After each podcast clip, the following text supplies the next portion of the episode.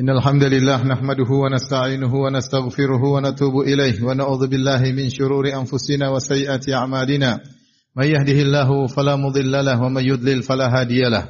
أشهد أن لا إله إلا الله وحده لا شريك له. وأشهد أن محمدا عبده ورسوله لا نبي بعده. يا أيها الذين آمنوا اتقوا الله حق تقاته ولا تموتن إلا وأنتم مسلمون.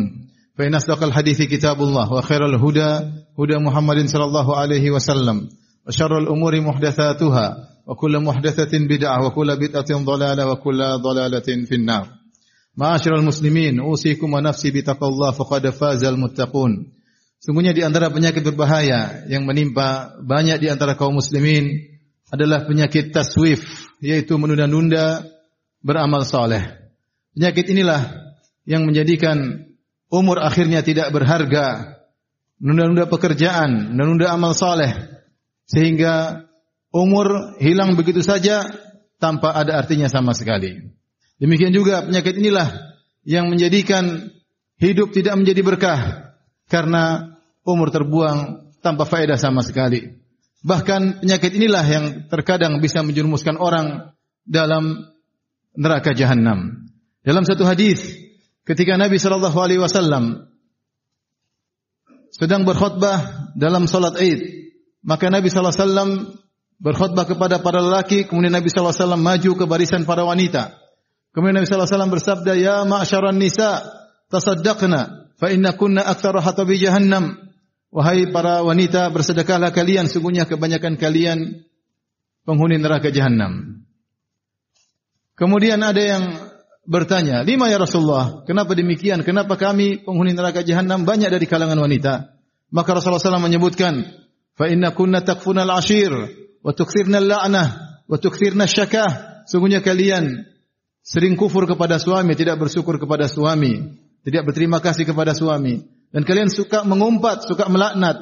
Dan kalian suka mengeluh, mengeluhkan suami atau mengeluhkan kehidupan ekonomi kalian. Dalam sebagian riwayat dalam hadis Ibn Hibban Rasulullah SAW bersabda, "Watu sawifnal khair" karena kalian suka menunda-nunda kebaikan. Ternyata dalam hadis ini Rasulullah SAW menjelaskan menunda-nunda kebaikan salah satu sebab menjerumuskan sebagian wanita ke dalam neraka jahannam wal billah. Oleh karenanya Al-Hasan Al-Basri pernah berkata, "Iyyaka wa taswif" Waspadalah kalian dari sikap menunda-nunda kebaikan. Bahkan sebagian ulama berkata, "Inna taswif jundun min junudi iblis." Sungguhnya taswif menunda-nunda kebaikan adalah salah satu tentara iblis. Benar, dengan tentara inilah iblis menjauhkan manusia dari kebaikan, bahkan menjerumuskan dalam keburukan. Betapa banyak orang terbetik dalam hatinya ingin bersedekah, niat bersedekah, Kemudian dia berkata nanti saja, nanti. Tiba-tiba dia tidak bersedekah. Tiba-tiba niat baiknya tersebut hilang. Tiba-tiba dia dijebak dengan kebutuhan-kebutuhan ekonomi yang lain sehingga akhirnya dia tidak menjadi seorang yang bersedekah. Betapa banyak orang yang dalam hatinya berniat untuk membaca Al-Quran, tiba-tiba Allah beri hidayah dalam hatinya, ingin baca Al-Quran. Tapi dia tunda-tunda, dia bilang nanti saja, nanti sore, nanti siang. Akhirnya dia tidak jadi baca Al-Quran sama sekali dan berganti kemudian dia baca berita-berita di medsos yang hanya menghabiskan umurnya dan isinya penuh dengan kemaksiatan yang tiada manfaatnya. Betapa banyak orang yang berniat untuk bertobat tapi dia tunda-tunda tobatnya. Dia bilang besok baru saya bertobat.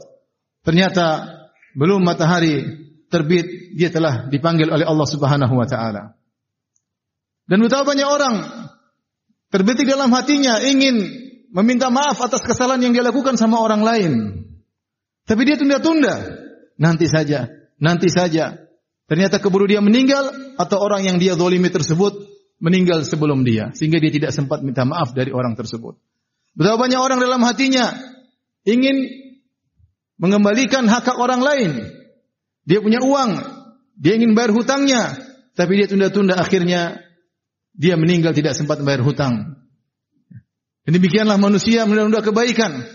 Padahal kalau kita mendolimi orang lain, segera kita minta dihalalkan, segera kita minta untuk dimaafkan. Kata Nabi SAW, Man kanat lahu mazlamatun li akhihi, falyatahallah minhul yaum qabla ala yakuna dinar wala dirham. Siapa yang berbuat zalim kepada saudaranya, maka mintalah untuk dihalalkan hari ini sebelum datang hari kiamat kelak di mana tidak ada dirham dan tidak ada, tidak ada juga dinar. Oleh karenanya, inilah penyakit berbahaya yang menimpa sebagian kita, maka seorang waspada, jangan sampai umurnya hilang tanpa ada faedah sama sekali. Jadilah hidupnya tidak berkah di sisi Allah Subhanahu wa taala. Aku lu qali hadza astaghfirullah li wa lakum wa lisal muslimin min kulli dhanbin khati'a fastaghfiruhu innahu huwal ghafurur rahim.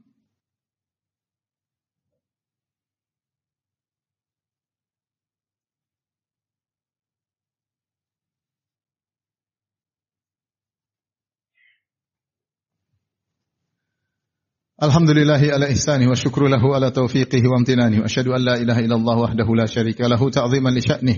Wa ashadu anna muhammadan abduhu wa rasuluhu da'ila ridwanih Allahumma salli alaihi wa ala alihi wa ashabihi wa ikhwanih Sungguhnya orang yang bertakwa kepada Allah subhanahu wa ta'ala adalah orang-orang yang menghargai umurnya, yang menghargai waktu dan mereka berpacu untuk mengejar kebaikan. Demikianlah sifat-sifat para anbiya dan para rasul innahum kanu yusari'una fil khairat wa yad'unana raghaban wa rahaban wa kanu lana khashi'in. Mereka itulah orang-orang yang bersegera dalam kebaikan. Demikian juga Allah menyebutkan di antara ciri-ciri orang beriman penghuni surga kata Allah Subhanahu wa taala ulaika yusari'una fil khairati wa hum laha sabiqun. Mereka adalah orang-orang yang bersegera dalam kebaikan dan mereka berlomba-lomba dalam kebaikan.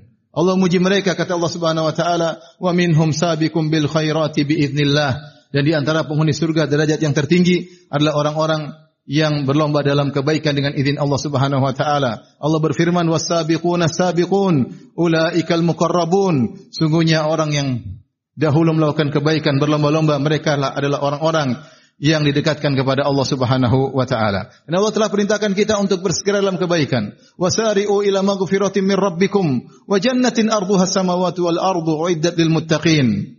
Bersegeralah kalian menuju kepada ampunan Allah dan menuju kepada surga Allah yang luasnya seluas langit dan bumi yang Allah siapkan bagi orang-orang yang bertakwa. Sabiqu ila maghfirati min rabbikum wa jannatin arduha ka ardis samai wal ardi. Uiddat lil ladzina amanu billahi wa rasulih. Bersegeralah cepatlah menuju ampunan Allah dan menuju surga Allah yang luasnya seluas langit dan bumi. Kata Allah Subhanahu wa taala, Ya, wa fi dzalika falyatanafasil mutanafisun. Untuk urusan nikmat surga maka bersainglah. Allah bukan hanya menyuruh untuk berlomba, Allah bukan hanya menyuruh untuk cepat, Allah menyuruh untuk bersaing. Mereka orang bertakwa yang mengerti betul tentang urgensinya waktu sehingga mereka berlomba dan berpacu tidak ingin membuang umur mereka dengan sia-sia. Mereka tidak ingin menunda-nunda amal saleh. Kalau terbetik dalam hati mereka ingin beramal soleh, maka segera mereka melakukannya. Adapun orang-orang kafir, orang yang tidak beriman, mereka lah yang tidak menghargai umur mereka. Mereka menunda-nunda amal soleh, mereka menunda-nunda untuk beriman. Mereka santai dalam kehidupan ini. Mereka baru sadar akan pentingnya waktu ketika mereka dalam sakaratul maut, ketika mereka dalam kondisi ihtidhar, ketika nyawa mereka dicabut oleh Allah Subhanahu wa taala. Allah berfirman, "Hatta idza jaa ahadahumul maut" qala rabbirji'un la'alli a'malu salihan fima tarakt. Kalla. Hingga jika datang salah seorang dari mereka kematian kemudian dia berkata qala rabbirji'un ya Allah kembalikan aku. Kembalikan aku di dunia untuk apa? La'alli a'malu salihan fima tarakt. Aku ingin mengerjakan amal saleh yang sudah aku tinggalkan di masa kehidupanku. Allah ingatkan kita orang yang beriman kata Allah Subhanahu wa taala Ya ayyuhalladzina amanu la tulhikum amwalukum wala auladukum an dzikrillah wa may yaf'al dzalika ulaika humul khasirun. Wahai orang yang beriman, janganlah harta kalian dan anak-anak kalian melalaikan kalian dari mengingat Allah Subhanahu wa taala. Siapa yang lalai dan mengingat Allah karena sibuk dengan harta, sibuk dengan anak-anak, faulaika humul khasirun. Mereka benar-benar orang yang merugi. Wa anfiqu mimma razaqnakum min qabli an ahadakumul maut. Fayaqula rabbi laula akhartani ila ajalin qaribin fa asaddaqa wa akum minas salihin.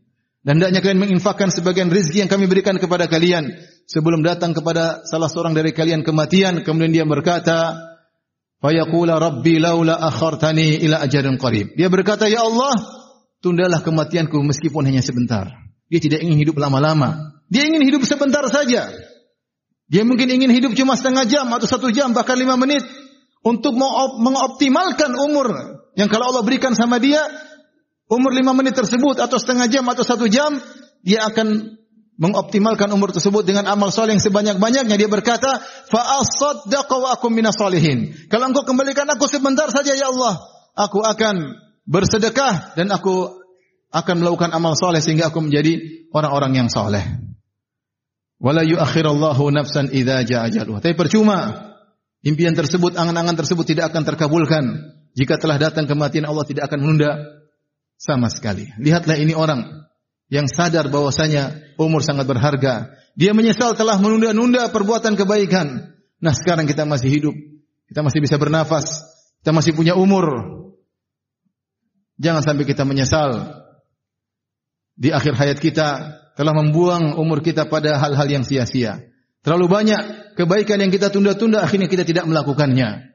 Maka jika terbetik dalam hati kita suatu saat ingin baca Quran maka jangan tunda-tunda. Segera kita buka Al-Quran.